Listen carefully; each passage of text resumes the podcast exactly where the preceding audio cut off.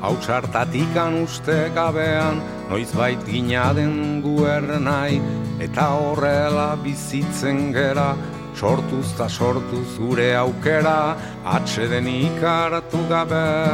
Atxeden ikaratu gabe Lana egina zoa zaurrera kate horretan denok batera gogor kiloturi gaude Gogor kiloturi gaude Izonak badu ingurulatz bat menperatzeko premia. Urruka hortan bizida eta hori du bere egia Ekin ta ekin bilatzen ditu saiatze hortan Ezin gelditu. Jakintza eta argia Jakintza eta argia. Bide ilunak nekez aurkitu Lege berriak noiz baiter ditu Hortan jokatuz bizia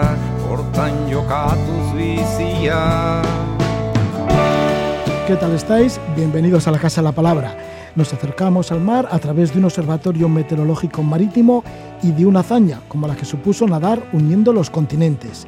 Para empezar estamos con Pilar López Vallejo. Trabaja en el Observatorio Meteorológico y Marítimo de Igueldo, en Donosti. Aprecia tanto el valor de este lugar que le ha dedicado toda una novela. La novela lleva el título de Temporada de Galernas. El argumento se traslada a ocho meses anteriores a la Guerra Civil Española. La protagonista es Lucía, tiene 18 años, queda huérfana al morir su padre en una galerna en el verano de 1935. Lucía entra de limpiadora en el observatorio y queda admirada del edificio y la labor de los científicos.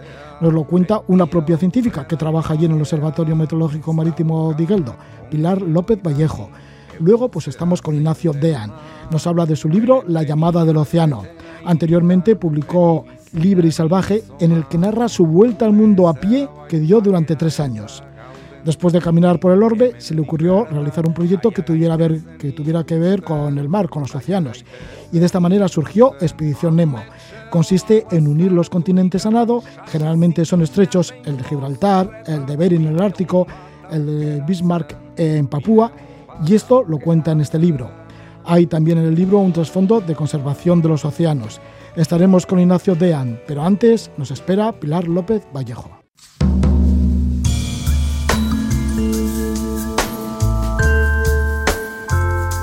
En la Casa de la Palabra, escenas marinas, a golpe de ola.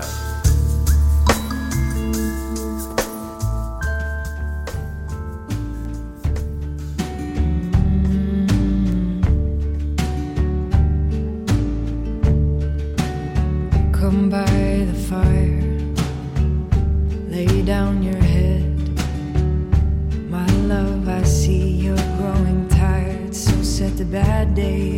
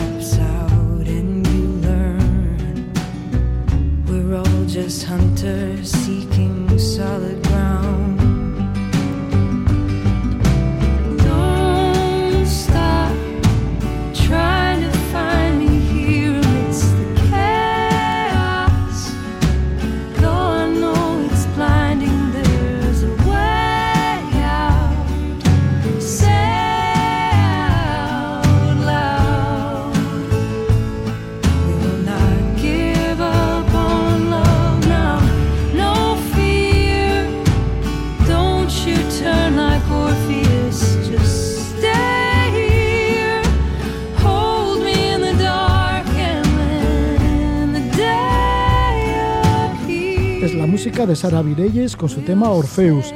Vamos a hablar de una novela que lleva el título de Temporada de Galernas. Su autora es Pilar López Vallejo. Nos vamos a situar en un lugar especial de la costa vasca como es el Observatorio Meteorológico y Marítimo de en Donosti. Entraba en funcionamiento en el verano del año 1905. De sus 115 años de historia, uno de los momentos más álgidos y relevantes fue de 1928 a 1936, cuando su director era Mariano do Porto. Durante los meses anteriores a la Guerra Civil se sitúa la trama de esta novela, Temporada de Galernas.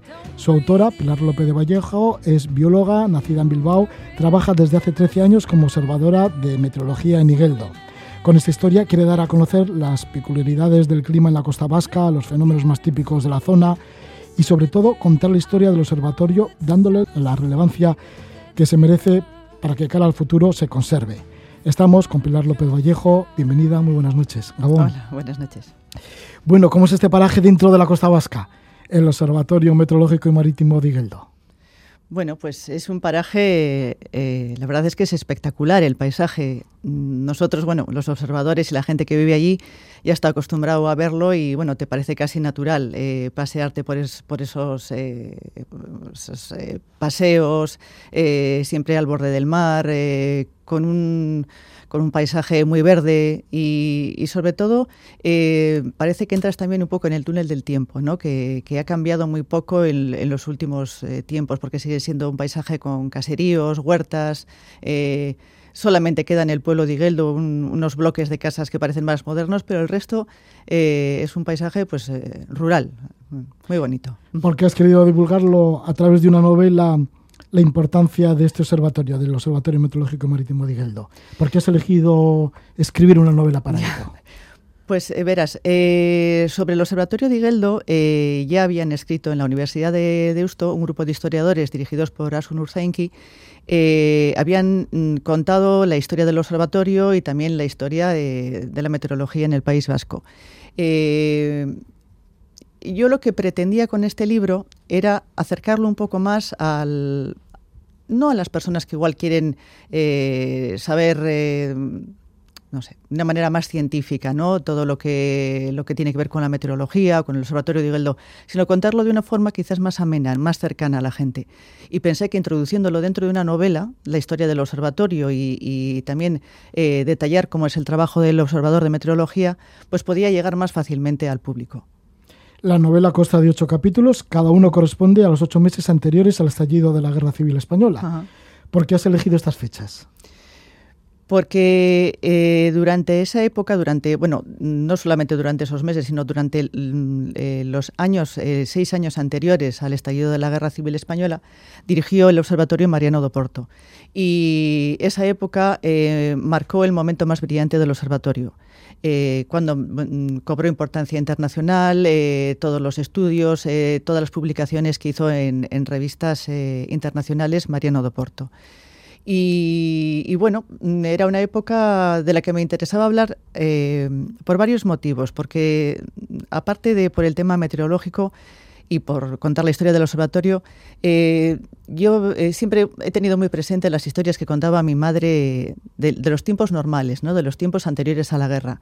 Y por eso también me interesaba contar eh, cómo vivía la gente en aquella época, cómo eran sus valores, cómo era su vida, cómo reaccionaban ante los problemas normales. Bueno, en fin, ya ves que por varios motivos. Sí, ¿y por qué esa relevancia internacional del Observatorio de antes de la guerra?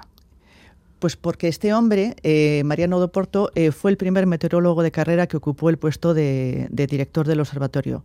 Eh, antes de él, el fundador del observatorio fue el padre Orcólaga, que era un hombre que, al que hay que reconocerle un gran mérito porque era una persona que sin una formación científica consiguió hacer unas predicciones meteorológicas que salvaron muchas vidas, sobre, sobre, todo entre los arranchales, ¿no? que en aquella época salían a la mar sin ningún tipo de predicción. Eh, no sé si recordarás que hace poco se conmemoró eh, la muerte de 145 arranchales, creo que fue en Bermeo, en, una galerna en 1912. Eh, estos pescadores. Se recuerdan los últimos años esa galerna de 1912. Claro, claro. Todos los veranos. sí. Y, pero bueno, eso es algo que ahora parece impensable, ¿no? Que la gente salga a la mar sin saber qué tiempo va a hacer. Y la galerna es un fenómeno meteorológico muy típico de nuestras costas y el problema que tiene es que no avisa. De, un, en un de un momento a otro cambia el estado de la mar, eh, rola el viento y bueno, en esos eh, barcos de aquella época que eran mucho más frágiles, pues la gente moría.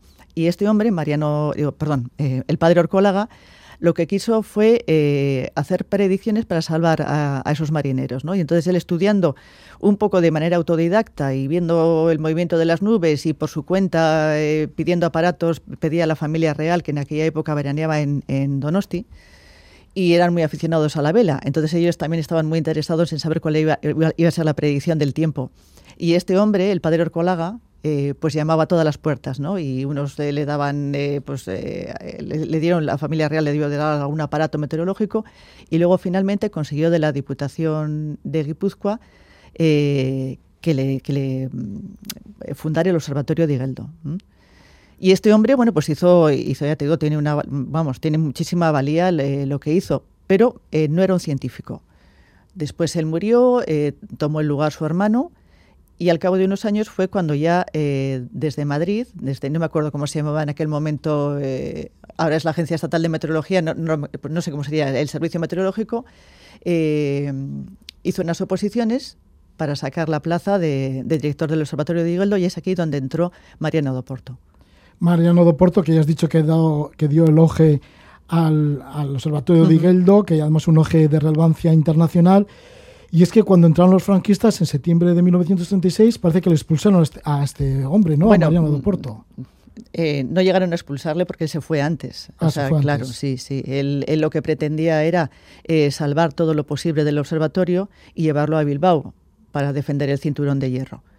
Eh, entonces debió de, de, coger, de cargar en un camión todos los aparatos que pudo y toda la información que pudo y marcharon hacia Bilbao y dejaron el observatorio en manos de, las tropas que entraron en aquel momento y, y, ahí, los únicos, eh, las única, la única laguna de datos desde 1928 hasta ahora son esos nueve días en que entraron las tropas franquistas.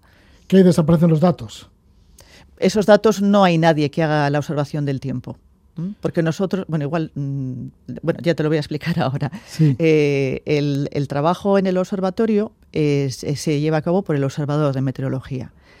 Y el observador lo que hace es cada tres horas eh, hace una observación del estado de la atmósfera y esos datos, eh, por un lado, los manda y por otro lado, mm, los apunta para tener un registro.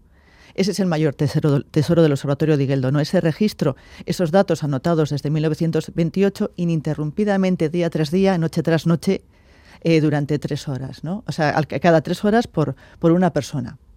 Y esto no sucedió, aparecen nueve días que no sucede esto, ¿no? que no se recogen estos datos. Imagino que sería un caos todo, habría lucha o... Bueno, creo que no fue eh, demasiada la lucha que hubo en la entrada de, las tropas en San Sebastián. Creo que no fue. Eh, pero bueno, imagino que hasta que organizaron todo y hasta que pusieron a alguien eh, al frente del observatorio, pues pasaron unos días sin datos. Mariano Doporto, que luego terminó como director del Servicio Nacional de Meteorología en Irlanda. Sí, sí. Sí.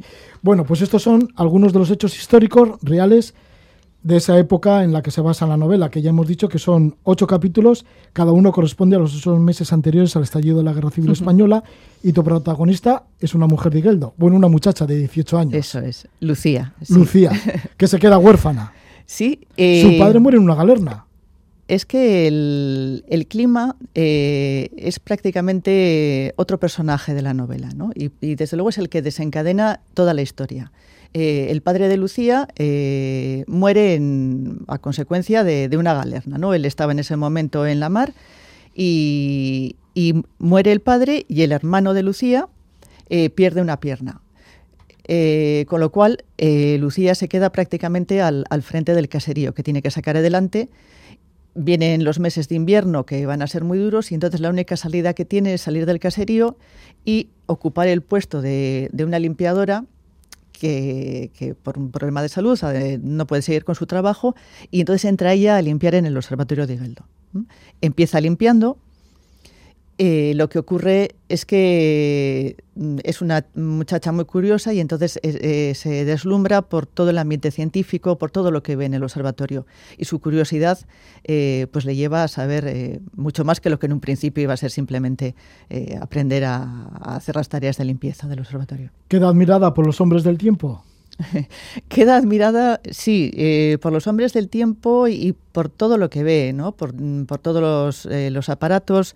Eh, incluso, o sea, lo primero que, le llama la atención pues, son esas eh, predicciones que, ve escritas ¿no? del tiempo. Entonces se da cuenta de que hay alguien que por una serie de, datos o de... Mm, o de aparatos que mira es capaz de predecir el tiempo que va a hacer, ¿no? Y entonces ella pregunta y se interesa y sigue, sigue el trabajo y bueno. Y eso te da pie para ofrecer también al lector cómo es el, interior de este observatorio y cuál es el trabajo de vosotros, ¿no? los profesionales del observatorio. Yo tenía ganas de explicarlo, porque muchas veces, mm, pues cuando dicen, eh, a ver, ¿y tú dónde trabajas? No, pues en el observatorio de Igueldo. Y dicen, ah, pues a ver si acertáis más con el tiempo. Y yo siempre digo, no, no, pero si yo no, no hago predicción, yo, yo solamente observo y la mayoría de la gente se me queda mirando con una cara de, pero bueno, eso es un trabajo, o sea, mirar el cielo y decir lo que, pues cualquiera puede hacerlo. Bien, pues eh, uno, de, uno, de mis eh, objetivos con este libro era explicar en qué consiste el trabajo de, observación, ¿no? que aunque parezca sencillo, pues eh, realmente es la base de todo. Si tú no haces una toma de datos exacta y meticulosa, pues eh, todo lo demás no tiene ningún valor, ¿no? Como si tú predices sobre unos datos que no son buenos, eh, esa predicción seguramente tampoco será buena. Y la predicción, eh, perdón, la observación, pues bueno, tiene una serie de... No es que sea complicada, pero bueno, hay que seguir unos pasos, hay que ser muy regular y no, y no tiene que haber nunca eso lo que es una laguna, ¿no? Siempre tiene que, tiene que ser continua. Además, estas anotaciones servirán cara al presente y también cara al futuro, ¿no? Claro. Ahora, por ejemplo, con el tema del cambio climático. Efectivamente. Para saber cómo ha evolucionado todo. Efectivamente.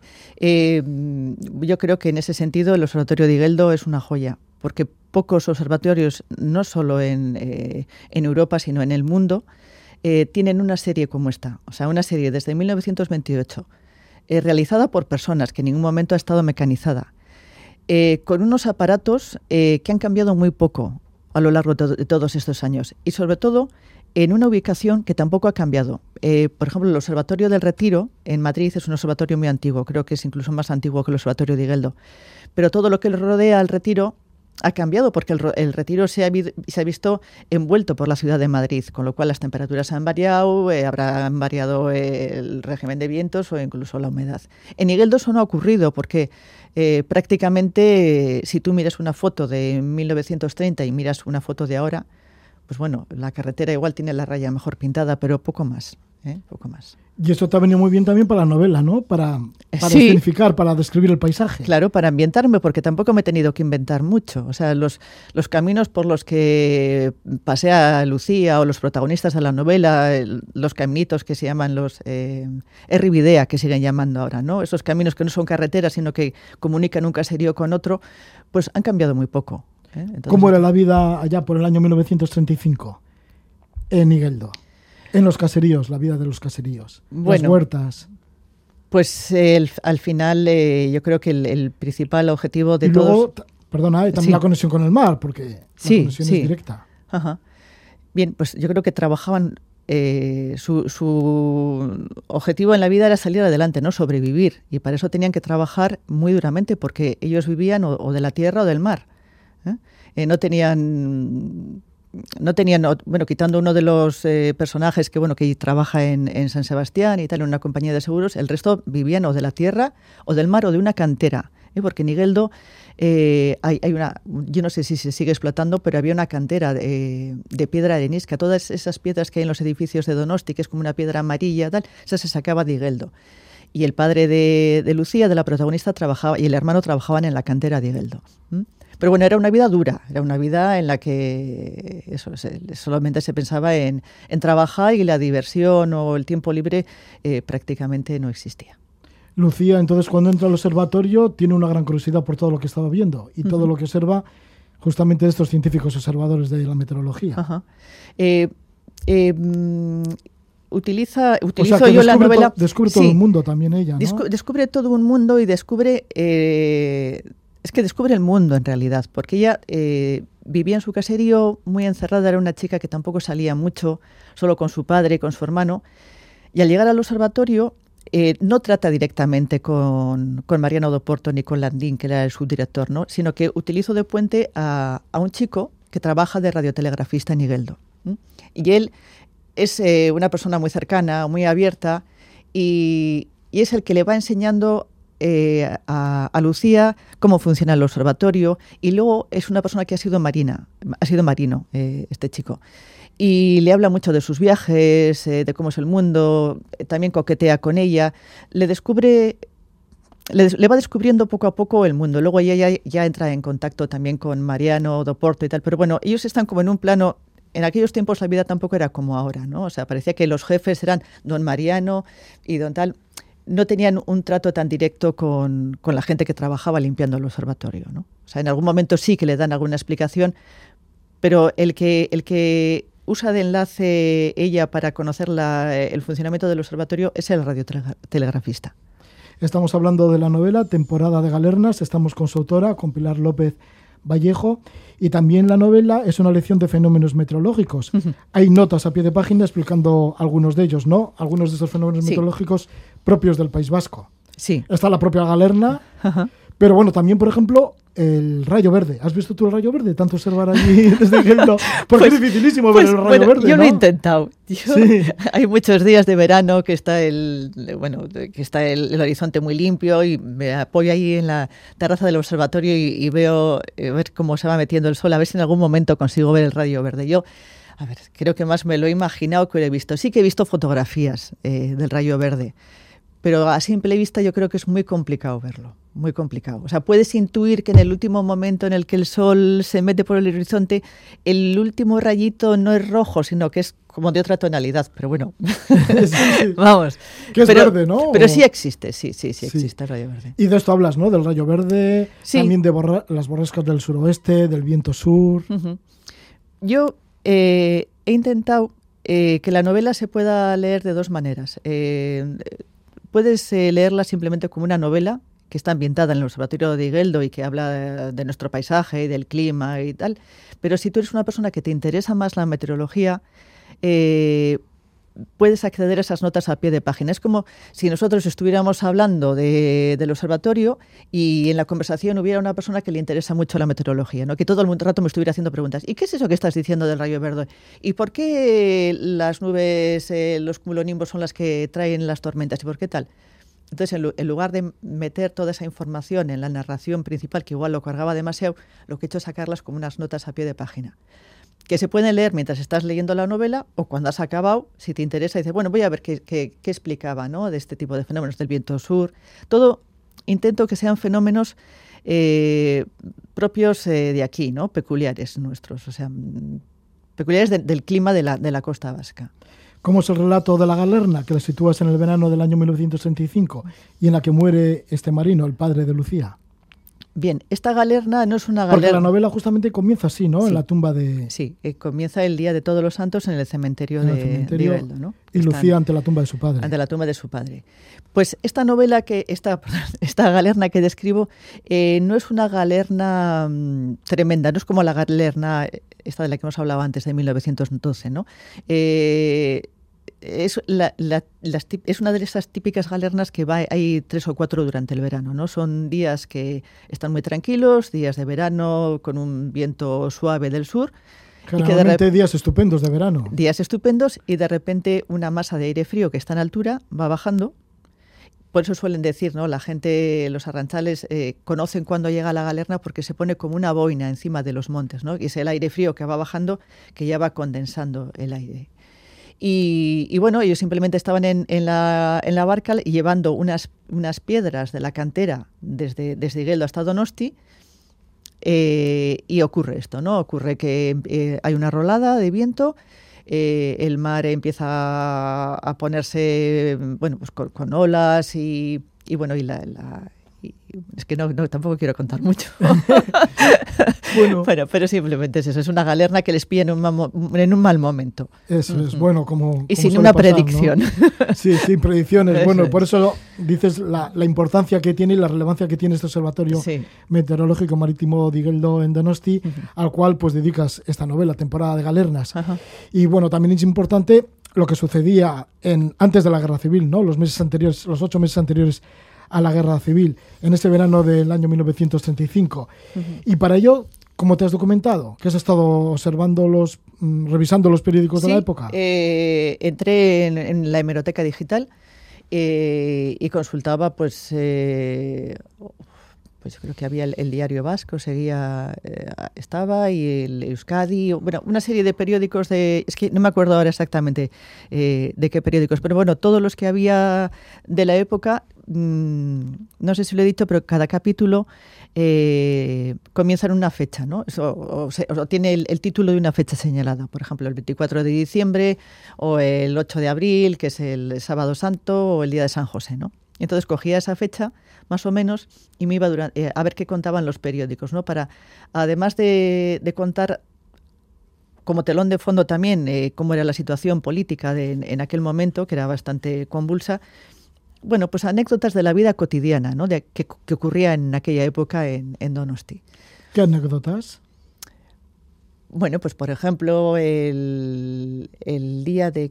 Es que ya, no me acuerdo exactamente de, qué fecha es. No sé si son en carnavales. Sí, creo que es en carnavales que, baja Lucía con, su tío a, a Donosti eh, pues hay una manifestación, ¿no? Eh, porque eran las elecciones y entonces, bueno, pues eso me da pie para que dentro de la manifestación explique un poco eh, cómo era la situación política o cosas de ese estilo, o sea, cosas que realmente estaban pasando en, en, aquel momento. También tomaba bueno, eso también de los datos que nosotros tenemos en el observatorio y, del, y, del, y de la predicción del tiempo que se publicaba en los periódicos de aquella época, cómo era el tiempo de aquel día. Con lo cual, el tiempo que estoy diciendo que está haciendo es el que hacía. ¿eh? Bueno, ya se nota que el libro lo ha escrito una meteoróloga, ¿no? Bueno, pues ahí está esa, esas escenas, esa galerna situada en el verano del año 1965, en donde, muere, donde muere el padre de Lucía, que es la muchacha de 18 años que va a trabajar como limpiadora al Observatorio Digueldo.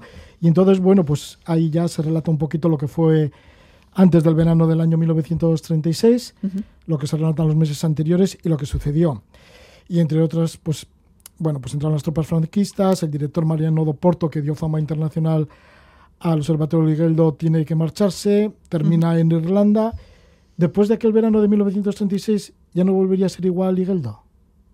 Mm, no, yo creo que no. Mm, el observatorio ha seguido funcionando y bueno, ya ha tenido eh, buenos directores. Tampoco es que quiera decir que el resto de la gente que ha estado trabajando allí no lo ha hecho bien. Eh, yo creo que de alguna manera perdió brillo, ¿no? Perdió ese empuje que tenían este Mariano de Porto y Landín, el subdirector, que eran personas pues con muchas ganas de trabajar, con muchas ganas de, hacer cosas nuevas, de publicar eh, trabajos. Bueno, luego mm, yo creo que ha caído más en, la monotonía o en, en un trabajo más rutinario. Bueno, ahí estás tú trabajando, ¿eh? Sí, ahí estoy trabajando. sí, sí. Bueno, pues Pilar López Vallejo con nosotros. Esta novela, Temporadas de Galernas, es una novela autoeditada. ¿En dónde la podemos encontrar? Eh, bueno, pues eh, la podéis encontrar en librerías en, Bilbao y en Donosti y en Gasteiz. Eh, en Elcar, en Bilbao en Cámara, en... También en la librería Izaro. En Izaro, perdona, sí, también. Esto en Bilbao, sí. En Binario. En Donosti creo que está en la librería Donosti. También, sí. Luego en Munguía, en, Ah, en, en, Aisea. sí, en Munguía, sí. Sí, sí. Bueno, pues yo creo que va a ser fácil encontrarlo. De todas maneras, si está también en la librería Selcar, que están distribuidas por, todo, que están por todos los sitios, pues está bien. Bueno, pues esto es Temporadas de Galernas, tiene un subtítulo de Antes de la Guerra, el Observatorio de Igueldo, tres puntos suspensivos. ¿Qué sucede ahí? Bueno, pues nos enteraremos a través de esta novela de Pilar López Vallejo. Muchas gracias por visitarnos. Muchas gracias a vosotros.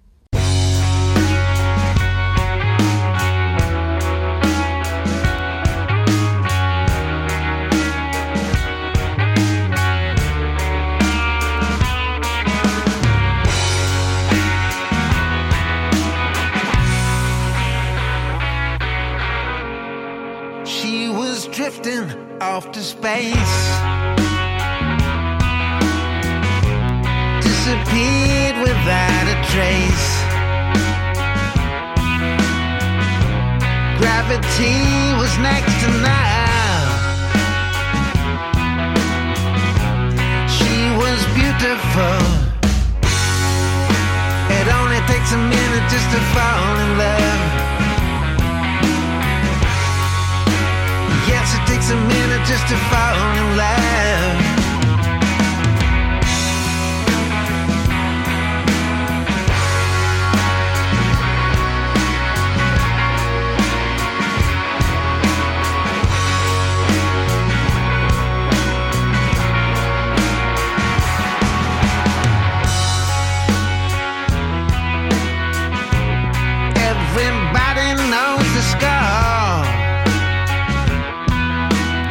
Es el cantante de Boston en la costa este de Estados Unidos, Nat Friedberg. Estamos con Ignacio Dean, es naturalista, aventurero profesional, divulgador. Se ha convertido en la primera persona en la historia en haber dado la vuelta al mundo caminando y en unir nadando los cinco continentes. El propósito de sus grandes expediciones es la conservación del planeta. Ignacio ha recogido sus hazañas en dos libros, Libre y Salvaje, la gran aventura de la vuelta al mundo a pie, se publicó en el año 2017 y en él se recogía la circunvalación del orbe a pie durante tres años de 2013 a 2016. Fueron cuatro continentes, 31 países, 33.000 kilómetros caminados y 12 pares de zapatillas empleados. Durante estos días llega a las librerías La llamada del océano. Es un nuevo libro, su segundo libro, y es la gran aventura de unir nadando los cinco continentes. Para ello cruzó el estrecho de Gibraltar, participó en la travesía Meis Cas, que une Grecia con Turquía, se metió en las gélidas aguas del estrecho de Bering entre Alaska y Siberia, se atrevió a nadar entre medusas en el mar de Bismarck, en Papúa, además con miedo a los cocodrilos. Eh, esto el mar de Bismarck que une Asia y Oceanía, para terminar con éxito atravesando el Golfo de Aqaba entre tiburones y corales con gran índice de salinidad en el Mar Rojo. Le damos la bienvenida a Ignacio Dean. Bienvenido, muy buenas noches, Ignacio. Buenas noches, Roger. Que en esta ocasión te encuentras en Asturias, estás mucho por Asturias, que el anterior libro, el de Libre y Salvaje, lo escribiste en Asturias, y que además allí has tenido a tu niño, ¿no? Tu bebé de un mes y diez días que tiene en estos momentos, que Pues se sí, llama sí. Mar. Eso es, parece que cada vez que vengo a Asturias hay que crear algo. La anterior vez fue un libro, ahora una niña. Miedo me da la siguiente vez. Sí, sí. Y además le has puesto el nombre de Mar porque es muy apropiado a toda tu última aventura. Sí, sí, eso es. Acabo de ser padre hace apenas un mes y diez días de una niña preciosa de casi cuatro kilos de peso. Le he llamado Mar y bueno, pues es una manera de rendirle un homenaje a los océanos y a este amor por la naturaleza. Ese homenaje a los océanos, aparte de Mar, bueno, pues ha sido esta última gran aventura, esta hazaña que has hecho, que le llamaste Expedición Nemo. ¿Por qué has querido conocer la totalidad del planeta, tanto por tierra, cuando le diste caminando la vuelta a la Tierra, como ahora con los océanos?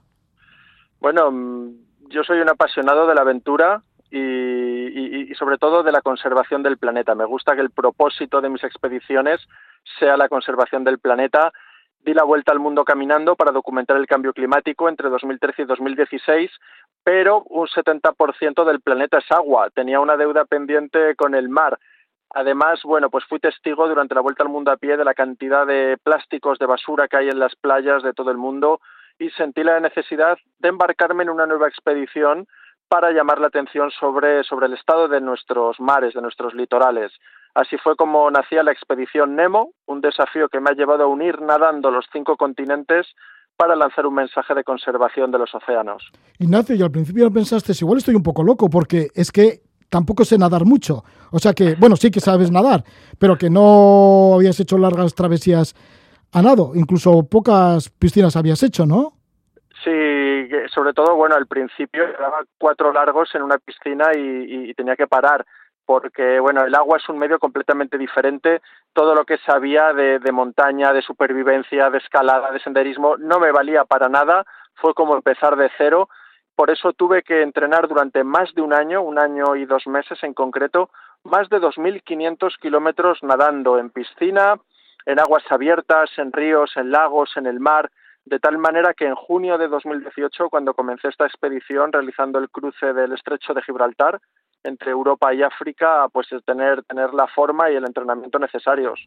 Sí, muchísima voluntad le pusiste. ¿eh? Esto de, pues eso, nadar al final 2.500 kilómetros, cuando asegurabas que la mayor dificultad que tenías es que no eras nadador.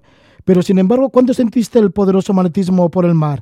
¿Cuándo te sientes que perteneces al mar y que ya estás volcado totalmente en el proyecto, en el proyecto Nemo? Bueno, yo siempre me considero, si me preguntaban tú que eres de mar o de montaña, yo siempre montaña. Para mí siempre la montaña. El mar lo asociaba a la playa, estar tumbado en la toalla y me parecía un rollo máximo, ¿no? Pero desde luego eh, soy de Málaga, eh, de una ciudad de mar. Mi padre es marino. Me, he- me embarcado con él en algún viaje. Me ha, me ha gustado la práctica del surf, que es un deporte también que se practica en el mar y, y- y- y, bueno, pues un día sentí ese, esa atracción, ¿no? Por el mar. Una vez que, que te atrapa, como decía Jacques una vez que el mar ejerce su hechizo sobre ti, ya no hay manera de desprenderte de él y, y así ha sido.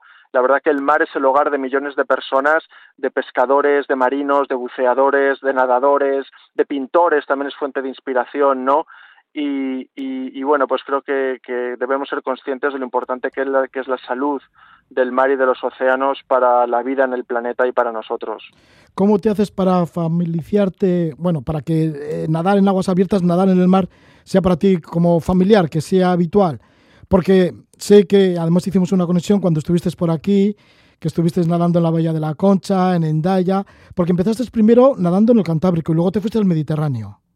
Eso es, bueno, cuando ya tenía un poco de, fondo y de técnica en, piscina, comencé a salir a entrenar en aguas abiertas. La expedición se desarrolla en el mar, era en el mar donde tenía que entrenar. Ahí no hay, no hay corcheras, no hay una línea negra marcándote la dirección, eh, tienes que entrenar el, nado contra corriente, contra las olas, la hipotermia, el mantener la calma, porque bueno, en las profundidades pues no sabes muy bien qué, animales hay, ¿no?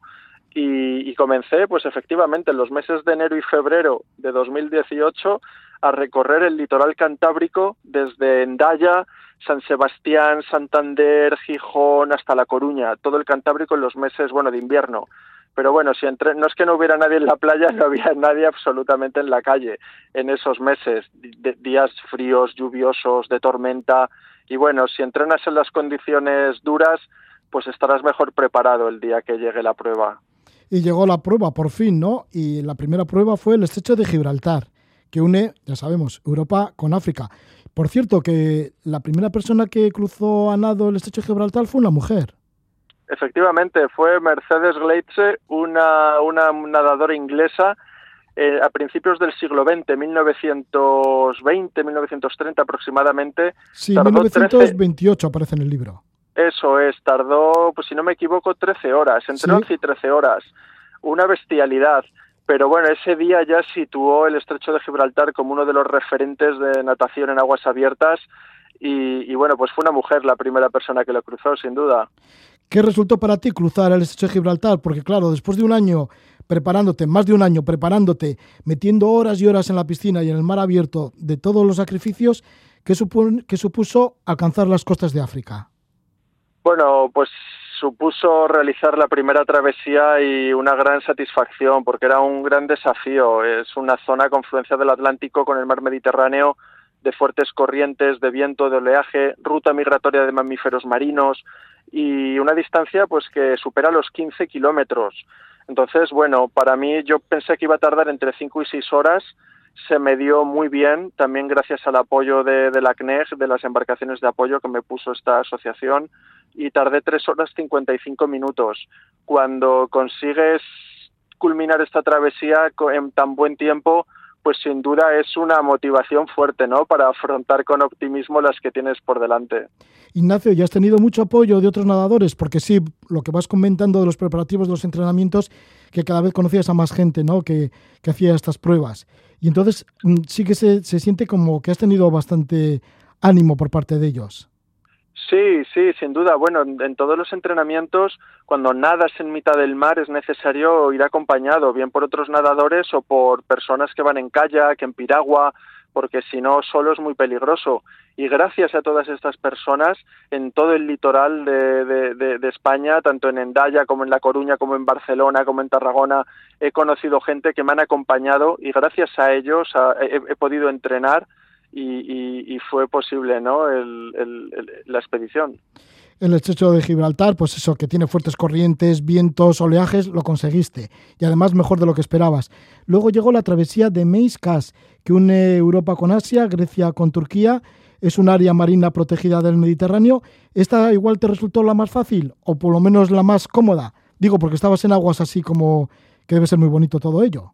Sí, sí, sin duda la travesía, lo que es la travesía en sí fue, fue la más sencilla, fueron siete kilómetros nadando desde Grecia hasta Turquía, desde la isla griega Castellorizo hasta la población turca Kas, en un área marina protegida del Mediterráneo Oriental, en el Dodecaneso, una región espectacular. Tuve el privilegio de nadar con tortugas, careta careta.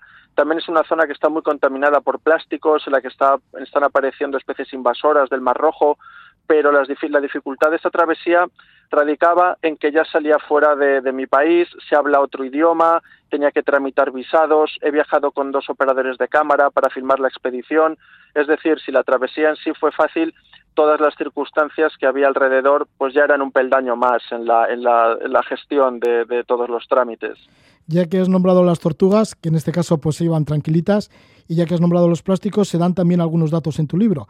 Por ejemplo, cada año se vierten en los océanos 24.000 toneladas métricas de plásticos, bolsas y globos que las tortugas ingieren al confundir con medusas, que las medusas son uno de sus animales preferidos para las tortugas.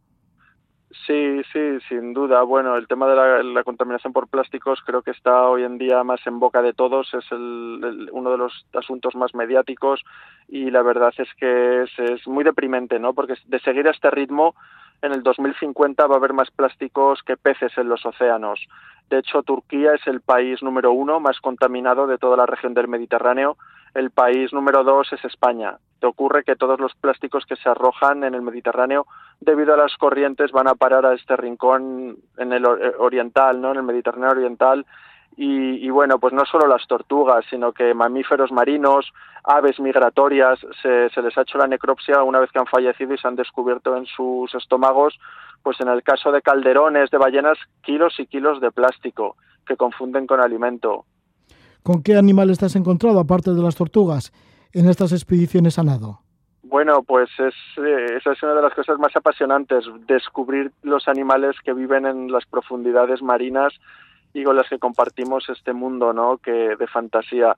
He visto cachalotes que, que se sumergen hasta de los 2.000 metros de profundidad para comer, he visto calderones, he visto delfines, en el estrecho de Bering vi ballenas jorobadas, he visto morsas, he visto focas, he visto cocodrilos, en fin, he visto cantidad de, de especies apasionantes. ¿Cómo lo haces, ya que has nombrado también en esa travesía del estrecho de Bering? ¿Cómo lo haces para mm, unir Alaska y Rusia nadando, especialmente sabiendo que el agua está congelada, ¿no? O casi congelada. Bueno, el agua está al borde de la congelación, está a 3 grados de temperatura. El estrecho de Bering son 80 kilómetros entre Rusia y, Alaska, pero justo a la mitad hay dos islas, las islas Diomedes. La Diomedes mayor pertenece a Rusia, la Diomedes menor a Estados Unidos. Lo que hice fue nadar de una isla a la otra justo entre ambas islas pasa la línea de cambio de fecha, es decir, a un lado de la línea una isla está en un día, al otro lado de la línea la otra isla está en el día siguiente, así que fue como nadar hasta mañana y luego regresar, regresar a ayer. Es, son cuatro kilómetros la distancia que separa ambas islas, tardé una hora y once minutos. En este caso nos dio cobertura una embarcación con esquimales, porque allí viven inuits, estuvimos de hecho viviendo con ellos. Y, bueno, solamente llegar hasta esta región es, podría ser una película. Vimos auroras boreales, en fin, estuvimos allí comiendo con ellos carne de foca, carne de morsa, vimos cómo salían a cazar. Fue desde luego un viaje al pasado. Esta embarcación inuit, que los inuits, además de acompañarte, seguramente estarían también a ver lo que cazaban o pescaban. Bueno, ellos son una economía de supervivencia, dependen de la caza para, para vivir. De hecho, bueno, allí pudimos presenciar también con nuestros propios ojos los efectos del calentamiento global. El estrecho de Bering se congelaba hace unos años, se podía pasar caminando de Alaska a Rusia, pero ahora no, ahora debido al aumento de las temperaturas son bloques de hielo flotando entre ríos de mar y esto afecta a su estilo de vida. Las especies de las que ellos viven, que ellos cazan, se están retirando más al norte buscando el frío y están apareciendo especies invasoras. De hecho, bueno, pues tienen motoesquís que, que, con las que podían usar hace unos años y las tienen ahora pues completamente abandonadas y oxidadas a la intemperie. ¿Qué sucede si estás nadando esos tres kilómetros por el estrecho de Bering y los inuits, yo que se encuentran una foca o alguna otra cosa y te dejan unos segundos abandonado? pues hombre, ellos, para ellos es una prioridad, ¿no? La caza. Ten en cuenta que luego el resto del año van a vivir de lo que cacen y dar cobertura a un pues a un tipo que ha llegado hasta allí para hacer su expedición para ellos no es no es vital entonces bueno durante la travesía que me dio cobertura esta embarcación en ocasiones se, desaparecían literalmente me dejaban allí solo y bueno la sensación de pánico de miedo era absoluta estar solo en mitad de, de un agua oscura fría eh, la que sabes que es un estrecho además muy poco profundo, tiene 50 metros de profundidad, si hay un animal debajo está muy cerca y la sensación de abandono era, era absoluta. Digo, aquí me pasa algo y no se entera nadie. Sí, porque por allí también hay orcas. Hay orcas, hay orcas, efectivamente, además de ballenas, de morsas, las morsas, unas morsas enormes que en ocasiones clavan sus dos colmillos sobre la cubierta del barco y, y lo vuelcan cuando salen a cazar. Y, y, bueno, pues sin duda tienes un percance allí, puede ser grave. Tampoco hay un hospital, no hay unas, una, una, seguridad ¿no? como, como puede haber, por ejemplo, en Gibraltar. Lo contrario a las aguas gélidas, casi congeladas del estrecho de Bering, es el otro estrecho que pasaste, ¿no? El de Papúa Nueva Guinea, que une Asia con Oceanía, que allí el agua debe estar a 30 grados de temperatura en el mar de. Bismarck. Eso es, es un auténtico caldo. Aquello fue pasar de, de, blanco al negro completamente es un mar que está a 30 grados de temperatura. Fuimos en noviembre, una época además de monzones, con mucha lluvia, con humedad. Luego, pues bueno, ahí es un, es un, un, un espacio marítimo con, con especies como cocodrilos de agua salada, tiburones y unas medusas muy pequeñas pero muy venenosas, la medusa irukanji, con lo cual pues tienes que extremar las precauciones. En esta ocasión nos dio cobertura una embarcación de la Armada de Indonesia y otra de la Policía Marina, y hubo, bueno, pues nadé 10 kilómetros hasta lo que creía que era la frontera. En estos 10 kilómetros atravesé la, eh, la desembocadura del río Muaratami, un río que baja de la jungla lleno de barro y de troncos. Y cuando por fin alcanzo la, la frontera, después de que me picara una medusa en la cara, en fin, me dicen desde las embarcaciones de apoyo que se han equivocado. Vaya. Que la frontera con Oceanía está todavía 12 kilómetros más lejos. Uh -huh y bueno, en ese momento fue, fue un palo duro mentalmente, pensé que, que, no lo iba a conseguir, que iba a ser imposible y me planteé abandonar. ¿Y qué sucedió? ¿O lo dejamos así para que la gente lea el libro? no vamos a hacer spoiler. sí, sí, por eso, por eso. Sí. Y, y, esto encima que te... Una medusa, sí, además de estas venenosas, se te puso en la cara, ¿no? Sí, sí, me pegó un latigazo justo en la desembocadura del río, que es un agua, pues como digo, muy turbia, eh, no ves nada, de repente sientes un latigazo y el miedo que yo tenía era que hubiera sido la medusa irukanji. Entonces, durante unos segundos tienes que estar atento a ver cuál es la evolución del dolor. Si va a más y se te empieza a paralizar pues la cara y el cuerpo, te tienen que sacar inmediatamente del agua. Por eso hay una ambulancia en la costa y un hospital pues con, antídoto, ¿no? El caso es que, bueno, pasados unos segundos el dolor fue aminorando y, pude continuar, pero en ese momento pues hay mucha tensión, braceas rápido, intentas salir de esa zona lo antes posible, no sabes si te estás metiendo en un banco de medusas, si el tronco que estás viendo flotando es un cocodrilo, en fin, es tenso. Sí, tenso. Bueno, estamos hablando con Ignacio Dean, que ha escrito el libro La llamada del océano, en donde recoge esa gran aventura que ha vivido de unir nadando los cinco continentes. Ya ha estado en diferentes estrechos y nos faltaba el Golfo de Áqaba, que sí que hay tiburones, aunque la población de tiburones, algunos de ellos les cortan las aletas. Sí, sí, el Golfo de Aqaba es un brazo del Mar Rojo. Lo que hice fue nadar desde Egipto hasta Jordania y bueno, es un fue el último estrecho porque allí la meteorología no es tan importante. En las aventuras que haces en, al aire libre, la meteorología es la que pone las condiciones. Si quieres cruzar un estrecho o subir una montaña, pero allí en el Mar Rojo hay un clima constante eh, durante todo el año de 25 grados esa es la razón por la que le hice el último y también la dificultad para gestionar todos los trámites. Eh, es un espacio marítimo al que dan costa cuatro países, Egipto, Jordania, Israel y Arabia Saudí. Estamos cruzando fronteras que son intercontinentales, que desde un punto de vista político y geoestratégico son zonas muy delicadas y conseguir los apoyos de las embajadas, de las autoridades locales llevan, llevan bastante tiempo.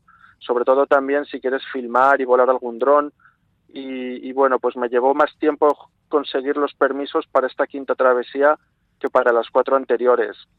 Y bueno, pues allí es uno de los lugares favoritos a nivel mundial para los amantes del buceo. Estuvimos buceando con viendo corales, infinidad de especies y hay muchos tiburones. Es una zona en la que hay muchos tiburones y allí pues también se da se da lo que es la pesca del tiburón para para cogerles la aleta, ¿no? le cortan la aleta para satisfacer la demanda de sopa de aleta de China y el tiburón lo tiran vivo, sin aletas, al mar. Y, es bueno, es trágico porque el, animal se va al fondo, al no poder nadar, no puede respirar y, se ahoga. Entonces, bueno, es una de, la, de las amenazas de este ecosistema.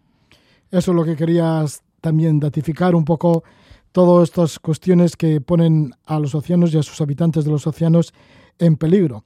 Y así has hecho esta expedición con éxito finalmente, la expedición Nemo. Estamos con su autor, con Ignacio Din, que además ahora ha escrito La llamada del océano, la gran aventura de unir nadando los cinco continentes que lo edita Zenich. Muchísimas gracias por estar una vez más con nosotros, Ignacio Din, y que vaya bien con el libro, con la llamada del océano. Muchísimas gracias, Roge. Seguimos. Hasta la próxima. Hasta la próxima. Que vaya bien por Asturias y que te vaya bien con mar. Muchas gracias. Hasta pronto.